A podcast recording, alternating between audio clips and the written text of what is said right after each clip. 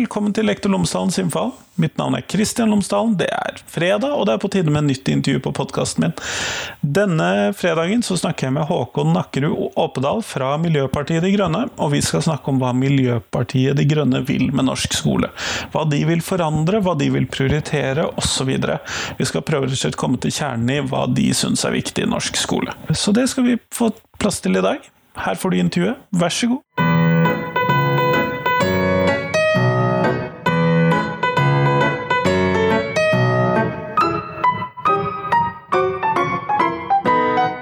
Håkon Åpedal, tusen takk for at du har tatt tid til meg i dag. Tusen takk for at jeg får lov til å være her. Eh, før vi starter selve intervjuet, så hadde jeg håpet at du kunne fortelle meg tre ting om deg selv, sånn at lytterne dine kan bli litt bedre. Mine kan bli litt bedre kjent på deg. Jeg eh, er fra Hardanger, noe man kanskje kan høre på dialekta. Så jeg vokste opp med nynorsk hele livet, omtrent. Jeg er lærerstudent, og jeg står på femteplass lokalt her i Bergen, for MDG i Bergen. Kjempeflott. Eh, sånn som jeg forstår det, så har Miljøpartiet De Grønne vedtatt veldig mye nytt i programmet sitt, eller jobbet mye med skoleprogrammet sitt i det partiprogrammet nå frem mot valget. Eh, og det skjønner jeg kan være en ganske mye jobb. Jeg har selv vært med å skrive et eh, partiprogram med skolepolitikk. Men hva er det dere har landet på som hovedsaker her nå i programmet for Miljøpartiet De Grønne? Vi hadde nettopp et landsmøte i 20, nå i 2019, og der har vi vedtatt en del ting nytt som vi mener er viktig å få på plass inn i norsk skole. Eh, det handler bl.a. om leksefri skole for eh, småtrinnet, skolemåltid i grunnskolen eh, og mer lekbasert pedagogikk, særlig for de yngste elevene. Det er de tre viktigste og, og tydeligste målene vi har satt oss, eh, og noe vi kommer til å jobbe veldig mye for. For det, det vi i Miljøpartiet Grønne er veldig opptatt av, det er jo det at man ikke bare skal utdanne hodet, men man skal utdanne hele kroppen, hele mennesket. Og, og måten vi ønsker å få det til på, det er å eh, gi elevene mulighet til mestring. Ikke bare det å prestere, men det å mestre som, som menneske. Og, og da er ønsker vi å ha mer Hva skal jeg bruke et kjipt ord? Fokus på eh, på, ehm, på eh, praktiske fag, estetiske fag og bevegelsesfag. Og kanskje gjøre eh, fagene mer tverrfaglige, rett og slett. Men hvorfor ønsker dere også å ta ut leksene ut av småskolen? Leksene altså, Først kan man jo spørre seg altså, hvorfor har vi lekser i det hele tatt i skolen. Og eh, Nå er det jo eh, nettopp gjort en god undersøkelse på det her i Norge, av Høgskolen i Østfold. Eh, da har jo Kjersti Lien Holte har jo vært mye i media og, og snakke om det. Og 116 internasjonale studier gjort på lekser i, eh, viser jo det at lekser har liten eller ingen effekt på elevenes læring.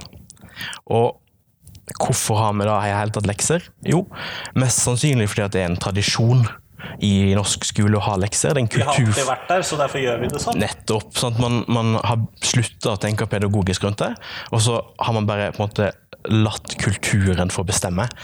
Og man har kanskje en myte i norsk skole om at en lærer som gir mye lekser, er òg en god lærer. Men så viser jo forskningen at når man gir lekser, og kanskje gir dårlige lekser, så skaper det dårlige arbeidsvaner og, og gjør elevene mye mer demotivert. Og så mener jeg personlig, altså som lærerstudent, at vi som lærerstudenter vi lærer veldig lite om bruk av lekser. Jeg kan ikke huske sjøl at jeg har hatt, en, uh, hatt noe, hatt noe stor, eh, stort om det i undervisningen. Det kan egentlig ikke jeg huske heller, når Nei. du nevner det. Ikke sant? Og, og hvilke konsekvenser liksom, leksene kan ha på, på, elevenes læring. Er det negative eller positive? Altså ingenting. Eh, og når man da forskning, internasjonal forskning, norsk forskning, viser det at det har faktisk relativt liten effekt. Og mulig og ingen effekt på elevenes læring, er demotiverende og kan skape dårlige arbeidsvaner for elevene, så kan man godt argumentere for at lekser ikke, ikke passer inn i skolen. Ja, jeg hører jo i det minste at vi burde i hvert fall ha lært hva gode lekser er på eh, studiet, når jeg tenker etter når du sier det på den måten. Eh, men dere har da funnet ut at dere bare skal kutte ut dette for småskolen? I, I, begynnelsen så, så, er det leksefri, altså hjemmeleksefri skole fra, fra første til fjerde klasse. Og så har vi vedtatt eh, at vi ønsker å prøve det ut eh, på enkeltskoler. Eh, på, på, for de eldre elevene òg, bl.a. ungdomsskole. Fordi at det viktigste er at, å se at barn er barn, og så må man jeg føler man må ta det gradvis, og ikke på en måte slå det over en kam som med en gang, men, ta, men gjennomføre den type reformer og den type reduksjoner i skolen litt gradvis. Nettopp, nettopp. Eh, du nevnte også noe om at eh, du ville ha mer lekbasert pedagogikk. Eh, da, da lurer jeg jo selvfølgelig på Jeg jobber jo på videregående. Men hva er lekbasert pedagogikk i denne sammenhengen?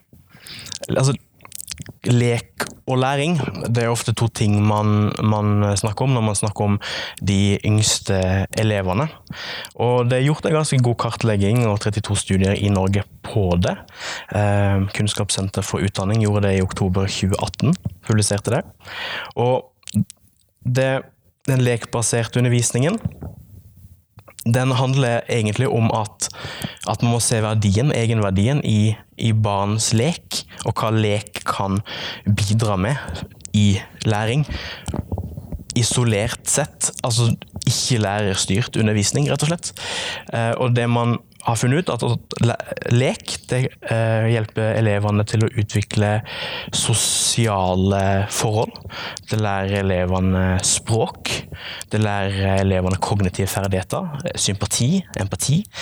Det bidrar elevene lærer lære forhandlinger seg imellom, eh, forståelse og det å følge regler. Og dette her regulerer elevene sjøl, eller barna sjøl.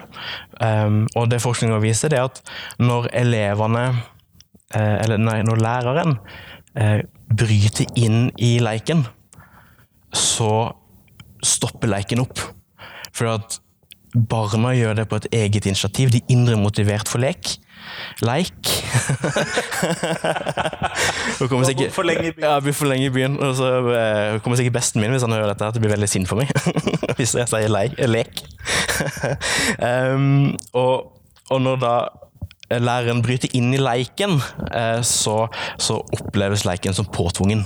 Da er den lenger ikke indre motivert, og den på en måte noe ytre som skal, skal um, Da blir den fort kjedelig, kanskje? Ja, det blir fort kjedelig, kanskje. Mm.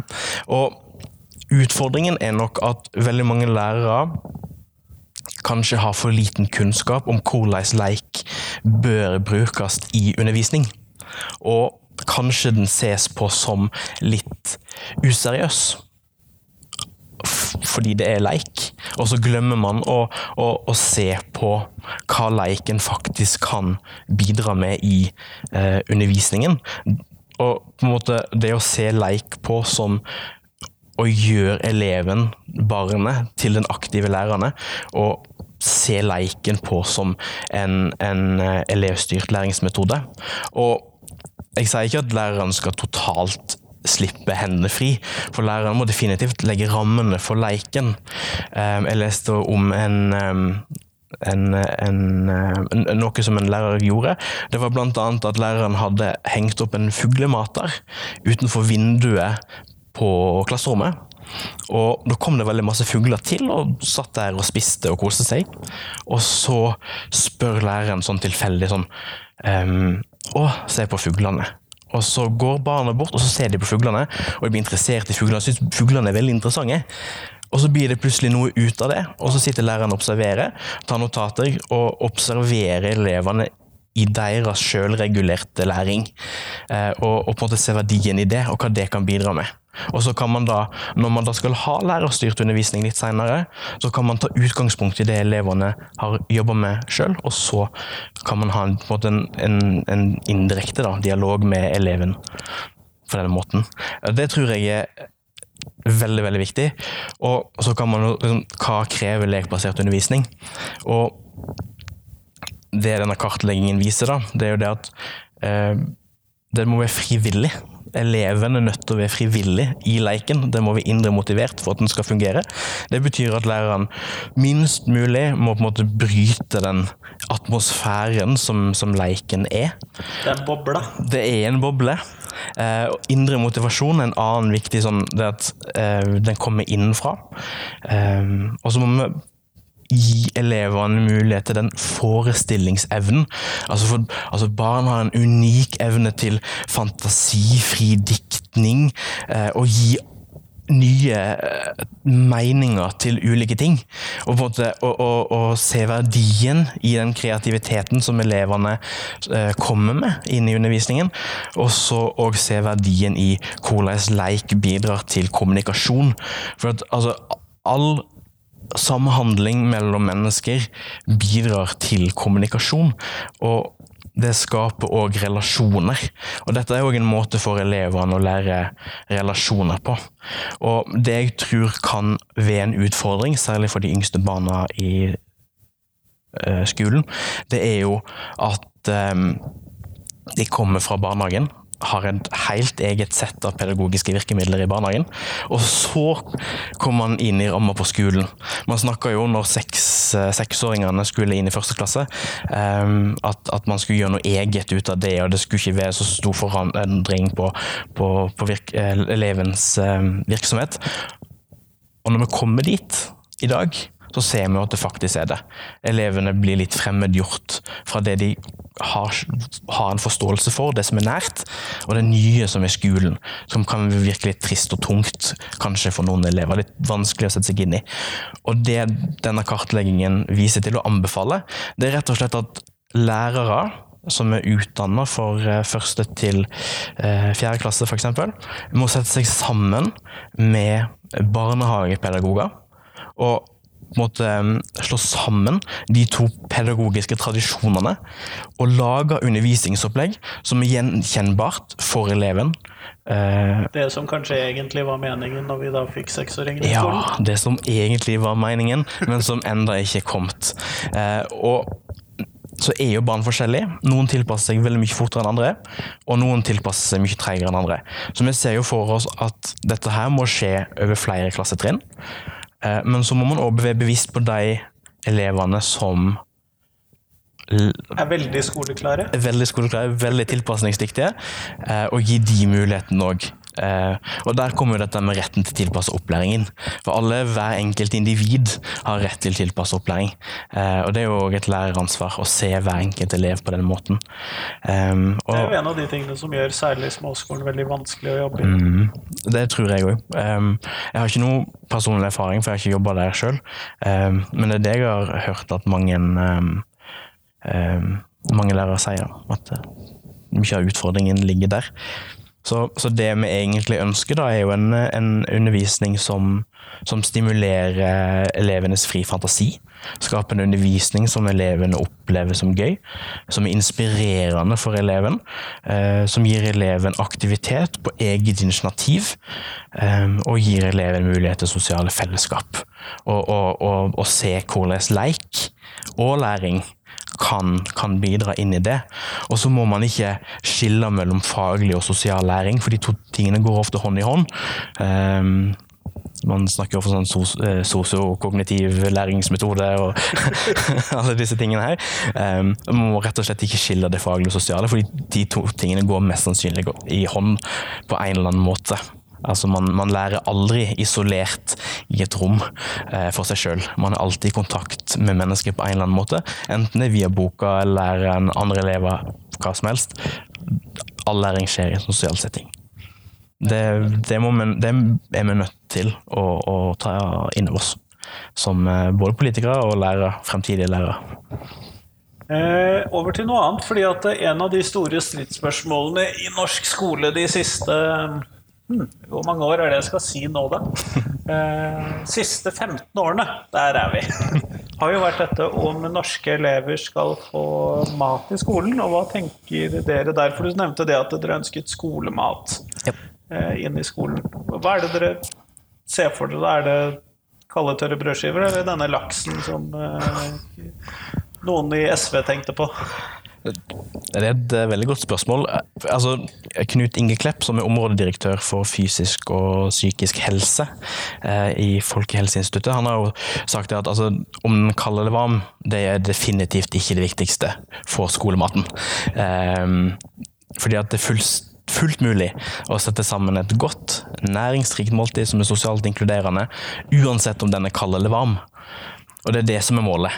At maten er god, at den er næringsrik, og at det skaper et sosialt fellesskap blant elevene. Sånn at det bidrar til et godt læringsmiljø. Det er det viktigste med, med skolemat. Um, og et sånt skolemåltid det vil skape en, en, sosial arena der alle deltar likt, likeverdig. Eh, det er viktig å få opp grønnsaksinntaket. sånn Tall viser at eh, norske elever spiser altfor lite grønnsaker. Eh, og da må man få opp grønnsaksinntaket. Det er jo en grunn til at grønnsaksinntaket er relativt lavt sammenlignet med andre land, det har med skolemat å gjøre. Mm, I Norge så er man mest vane med denne matpakka, og mange grønnsaker passer kanskje ikke inn i den mat... Gjør brødskiva våt? ja, brødskiva blir våt, og sant, kanskje sånn gulrot. Den er fin å ha i matpakka, men man skal jo ikke bare spise gulrot, man må spise veldig mange andre gode grønnsaker òg. Eh, og det trenger man ikke varme matfasiliteter for. Eh, så en begynnelse så kan den maten definitivt være kald. Eh, fordi at veldig mange skoler har heller ikke disse fasilitetene som kreves for å lage varm mat. Og da, man, da snakker man om veldig mange andre ressurser. Man trenger kompetente mennesker til å lage maten, tilberede maten, vaske opp eh, alle disse tingene som er knytta til varm mat. Ja, for Du kan ikke bare bruke plasttallerkener? Nei, definitivt ikke plasttallerkener. Det er nødt til å være bærekraftig mat òg. Og det er en av de tingene som vi eh, har satt. Altså Maten skal være sunn, den skal være bærekraftig, og den må inkludere vegetaralternativ. For det er jo veldig, veldig viktig. Så eh, altså, Grunnen til dette her sant, er jo at man, man, bruker jo enormt mange timer på skolen. Kroppen må ha næring for at den på en måte skal kunne fungere fra klokka ni til klokka tre. Eh, for noen elever så er ah, skolehverdagen kjempelang. Sant? De begynner i SFO klokka syv og skal være på skolen, og så er det i SFO igjen klokka tre, og så er det på SFO til klokka halv fem-fem når foreldrene henter en. Så det er en ufattelig lang dag. Og hvis en da ikke har fått i seg god og næringsrik mat som er positiv for læring, så går det utover elevens motivasjon, det går utover elevens evne til å lære, det går utover elevens konsentrasjonsevne, man blir sliten. Og dette er nok et større problem på ungdomsskolen enn på barneskolen, um, fordi det, man gjerne har feil ernæring. På ungdomsskolen så kan man jo gå ned på butikken, kjøpe seg en skolebolle, og så er det plutselig blitt eh, lunsjen. Skolebolle og kakao? For eksempel. Og det, det, vil man kanskje ikke anbefale. Og det et, et, et eh, skolemåltid i grunnskolen vil bidra med, det er jo at alle barna får den anledningen til å spise et um, um, sunt og godt måltid. Vi har jo hatt ordninger i Norge som man kan trekke, trekke linjer til. Man har hatt skolefruktordning både lokalt organisert, nasjonalt organisert, eh, med foreldrebetaling, uten foreldrebetaling. Så man har masse erfaring her som kan vise hvordan eh, skolemat vil fungere. Og det, de erfaringene som man har hatt, det er jo at det er ikke tilfeldig hvem som deltar i ordningen. Det er store sosioøkonomiske forskjeller på hvem som deltar og ikke deltar. Eh, det er gjerne høyt utdannede foreldre som eh, deltar i ordningene, uansett om de er gratis eller ikke. Det er størst forskjell på ordningene når de innebærer egenbetaling. Um, og det sier meg at når man ser de store sosioøkonomiske forskjellene, utdanningsforskjellene i de personene som deltar, så bør man gjøre den maten gratis.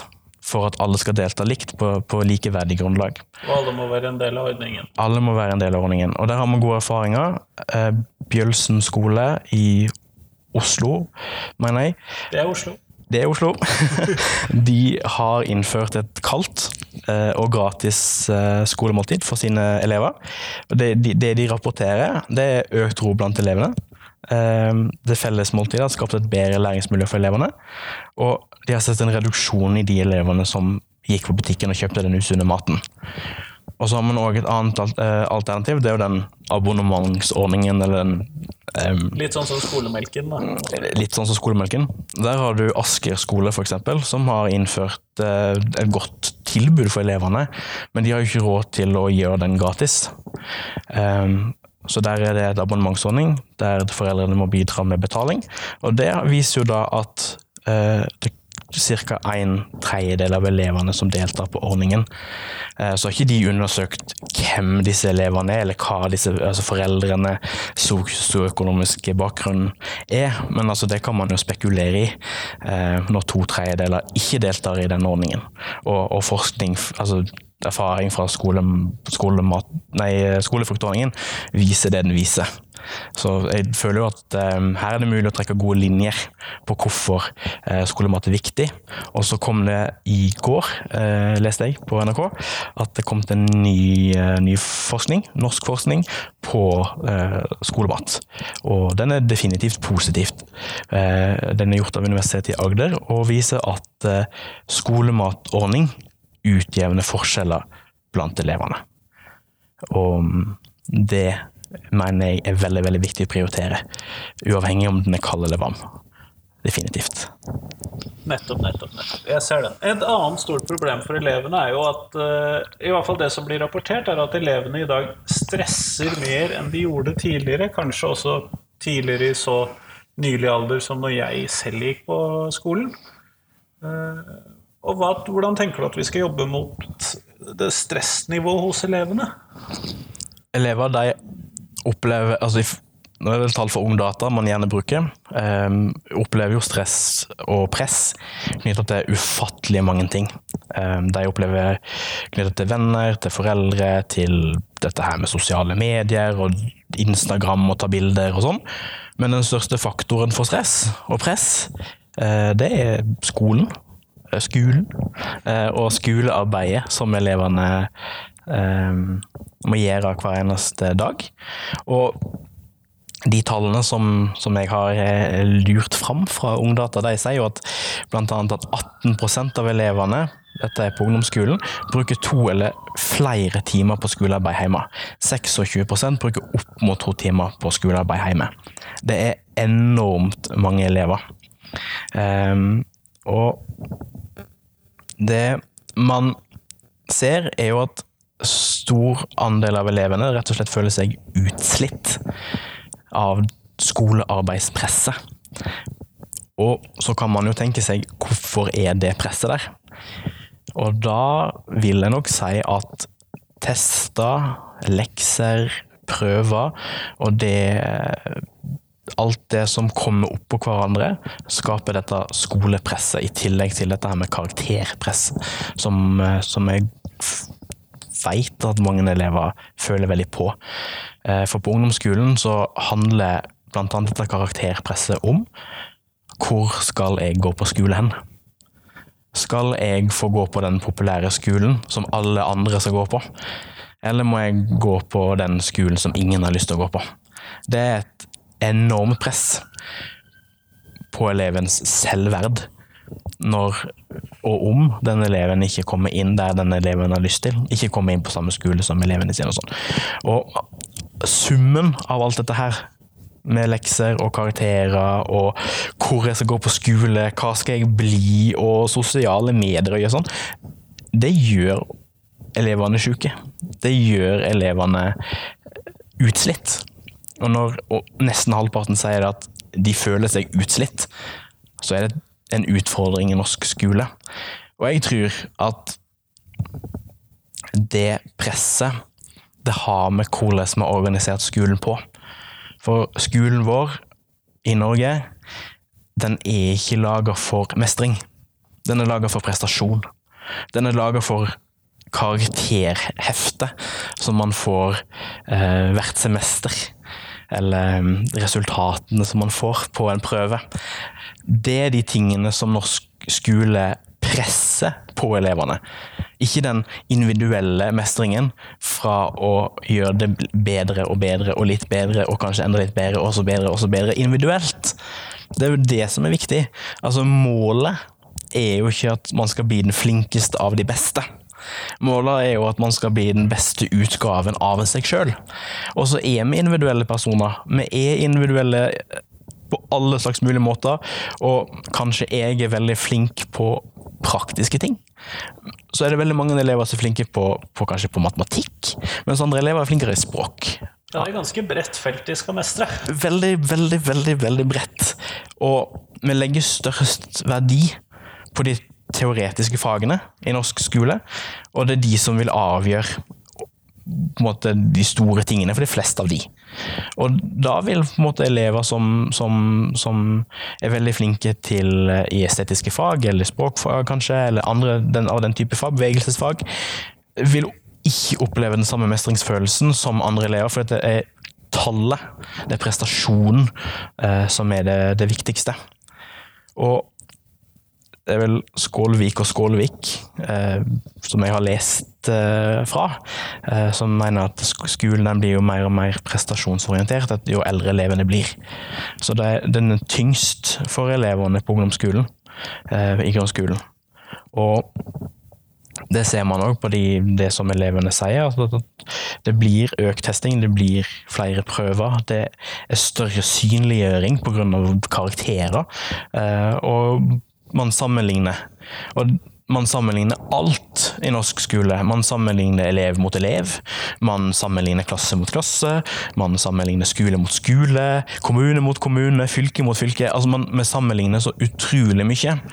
Og så kommer man en lærer og sier at din klasse de gjør det ikke godt nok. Du er nødt til å gjøre noe. Og så kommer læreren til eleven og sier at vår klasse, vi gjør det ikke godt nok. Vi må gjøre det bedre. Og så kommer eh, kanskje læreren til hver enkelt elev og sier at eh, jeg ser at du ikke gjør det så godt her, du er nødt til å gjøre det bedre. For at ja, det synes jeg, jeg synes det er så utrolig trist at det øker presset på elevene. Og det står så i kontrast til hva skolen kan være. En mestringsarena der på en måte, elevens læring står i sentrum. Der det handler om å utvikle elevens egen kompetanse. Der det handler om å ruste eleven for et selvstendig liv, for selvstendig læring, individuell mestring. Eh, motivere dem til selvregulert læring. Sette egne mål og, og gi dem den der er lov til å prøve og feile, og du må gjøre det ufattelig mange ganger. Man blir ikke god med en gang, og derfor må man prøve og feile, prøve og feile, prøve og feile, prøve og feile, og da, når du har gjort det 10 000 ganger, da, har, da får du det til. Og det på en måte å gi elevene den åpenbaringen eh, som norsk skole ikke gjør, som jeg mener vi er nødt til å gjøre. Og det handler om hele organiseringen av norsk skole. Altså fra måten vi gir lekser på, til måten vi gir karakterer på, eh, til måten vi utdanner lærerne våre på. Det er så enormt mange faktorer her. Um, også i tillegg til alt andre som dagens elever må slite med, som jeg ikke måtte slite med. Altså dette her med mobilbruk og sosiale medier og Instagram og Snapchat og jeg vet ikke hva norske elever Forstyrrelsesfaktorer faktorer da, som bidrar inn i deres liv, eh, som, som, jeg slapp. Og Det er jeg ufattelig glad for at jeg slapp, men jeg er utrolig lei meg for de elevene som som er nødt til å oppleve det i dag. Og, og så sier man at dette, må, dette må skolen ta seg av, dette må læreren ta seg av, dette er lærerens ansvar. Og så står læreren der makteslaus, følelsesmakteslaus, og ser at elevene ikke klarer det. Og må på en måte jobbe som sosialarbeider på skolen. Miljøarbeider på skolen. Må være sosionom for elevene. Um, alle de rollene som, som, en lærer har i dag, som en lærer ikke hadde for 15 år siden, for 20 år siden, for 50 år siden. Men som ennå ikke er kommet inn i lærerutdanningen. Jeg, har, jeg har, føler aldri at jeg har hatt en, hatt en forelesning om skikkelig miljøarbeid. Altså, vi har hatt forelesning om mobbing. Én forelesning om mobbing. sånn. Og det Og når vi, altså, vi er ikke utdanna miljøarbeidere eller sosionomer eller sosialarbeidere, men allikevel så skal vi gjøre som lærere den jobben òg. Jeg tror at grunnen til at så mange lærere ikke jobber i skolen, det er følelsen av maktesløshet overfor de enorme utfordringene som skolen ofte står for. Um, av tre mennesker der ute med lærerutdanning de jobber ikke i skolen. Det er et ganske høyt tall. Det er et enormt tall. Det er snakk om 40 000 mennesker. Man snakker ofte om at man har lærermangel i Norge. Har ikke lærermangel i Norge. Vi har mangel på lærere som ønsker å jobbe som lærer. Og det er så utrolig trist. Én av fire nyutdannede lærere de blir ikke lærere.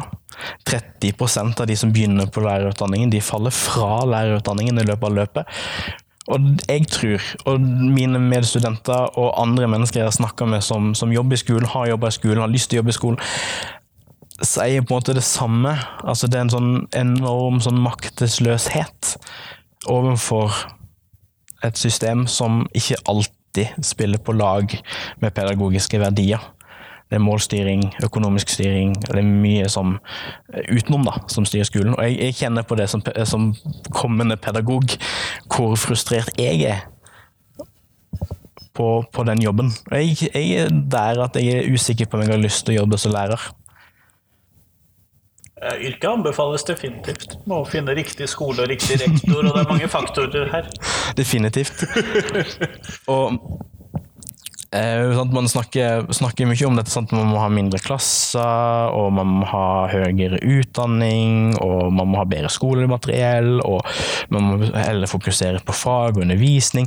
Alt dette er kjempebra. Jeg er enig i absolutt alt, og høyere lønn og alt det, men det er den her det, det, gjør ikke noe med den maktesløshetsfølelsen. Det å føle at man ikke strekker til som lærer. Eh, det å se disse sosiale utfordringene som, som Færre elever vil jo, per lærer vil jo kanskje løse det, da? Det vil det absolutt. Eh, færre eh, mindre klasser vil rett og slett vil redusere belastningen på hver enkelt lærer. Men så er jo spørsmålet altså, hvor skal vi hente disse lærerne fra? Altså man man vil gjerne ha færre klasser, flere lærere, men de to tingene går ikke opp. Fordi vi utdanner allerede i dag for få lærere. Det er allerede for få lærere som ønsker å jobbe i skolen.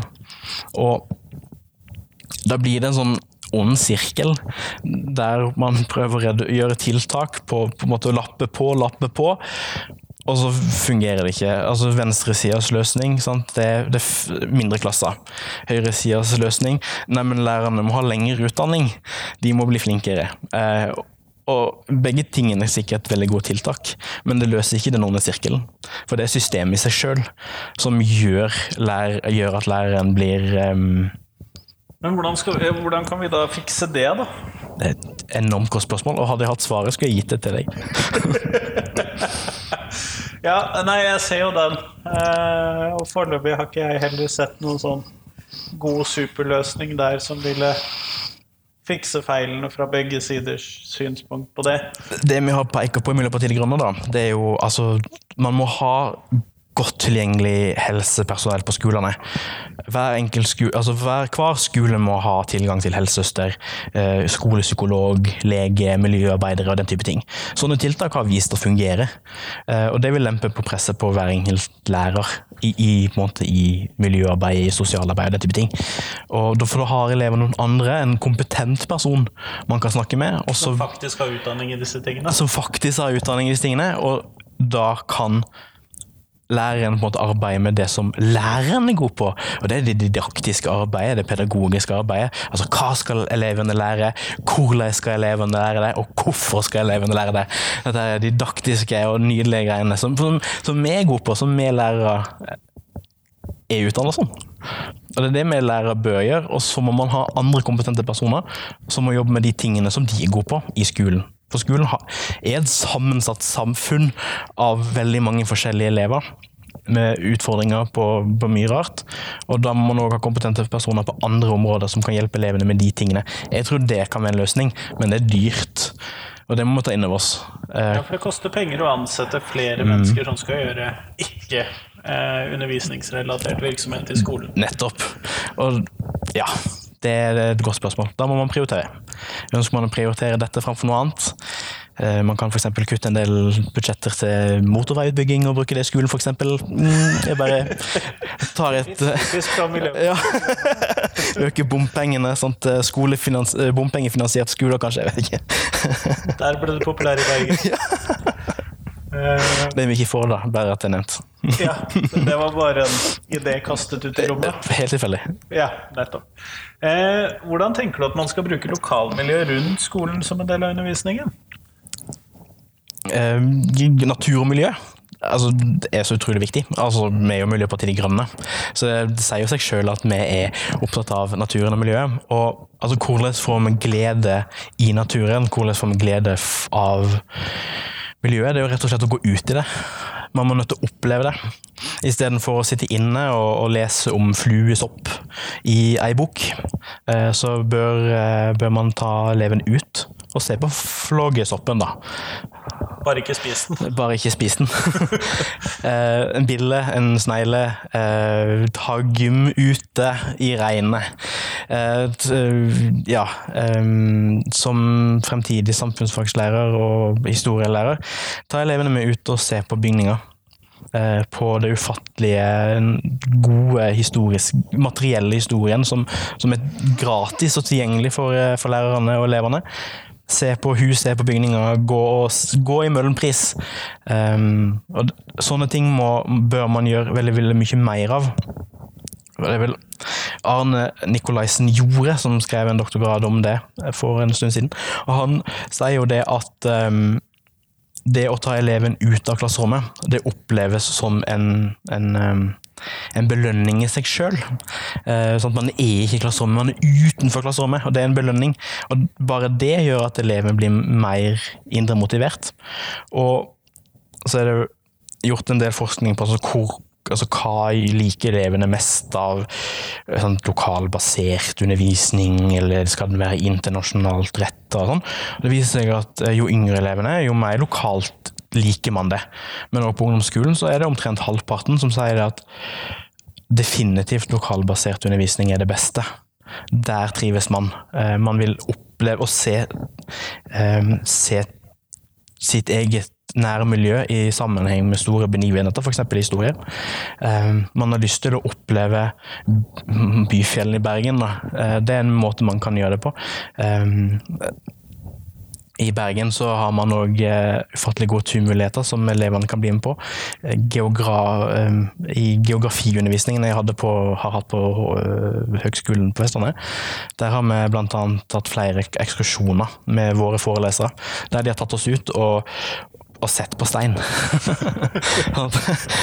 Se på den steinen her. Dette er den og den type stein. Og det kan òg lærere gjøre, og det tror jeg gjør elevene mye mer motivert. Og det viser jo forskning òg, at det å ta eleven ut av klasserommet, det gjør elevene mer motiverte.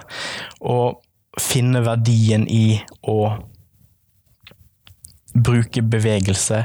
Jeg tror gutta i stor grad vil ha godt nytte av den bevegelsen det er å gå ut og se på ting, ta på ting, lukte på ting. Um, ikke bare se en bygning, men rett og slett altså, ta på den. Det, jeg tror det har noe med altså, ja, gutter å gjøre. At man, man krever litt mer bevegelse. Derfor er jeg veldig for at lærere i større grad tar i bruk lokalmiljø. Noe jeg har lyst til å gjøre sjøl som fremtidig lærer. Og jeg har lyst til å oppfordre lærere òg til å gjøre det. Altså, man kan jo ikke vedta politikk på dette. her, Hvorfor skal vi ha grenser? Altså, lærerne må ha metodefrihet. Hver enkelt lærer må bestemme hvordan de har lyst til å organisere sin undervisning. Men jeg har lyst til å fremme at det å ta elevene ut er absolutt anbefalt. Det er noe jeg setter pris på sjøl. Jeg har satt pris på det sjøl når jeg var på skolen, og jeg ser hvordan elevene bare lyser opp når du sier at i dag skal vi ut av klasserommet. For eh, det er tungt å sitte 60 minutter innestengt med, med 30 andre elever i et klasserom med dårlig ventilasjon. Du blir tung i hodet av det. Ja, det kan man fort bli. Ja. Eh, vi går mot slutten av podkasten her. Eh, og da skal jeg stille deg det spørsmålet som jeg stiller til de andre som jeg har, har hatt med på podkasten. Og det er hvis noe skal ut av skolen, hvis du får lov til å kaste noe ut, hva skal ut av norsk skole? akkurat i dag så vil jeg kaste ut leksene fra første til fjerde klasse.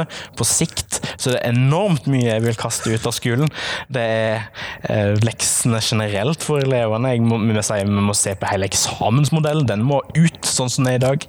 Og um, den, den, den, prestasjonsbaserte karaktervurderingen. Det er jo noe vi er nødt til å vurdere. Og rett og slett kaste ut og erstatte med et mye bedre alternativ. Um, så det er, en, det er, en, god del ting som bør ut av skolen. Men først Starte med leksene fra første til fjerde. Starte med leksene til første og fjerde. Kjempeflott. Tusen takk for at du tok deg tid til meg i dag. Tusen takk for at jeg fikk lov til å være her.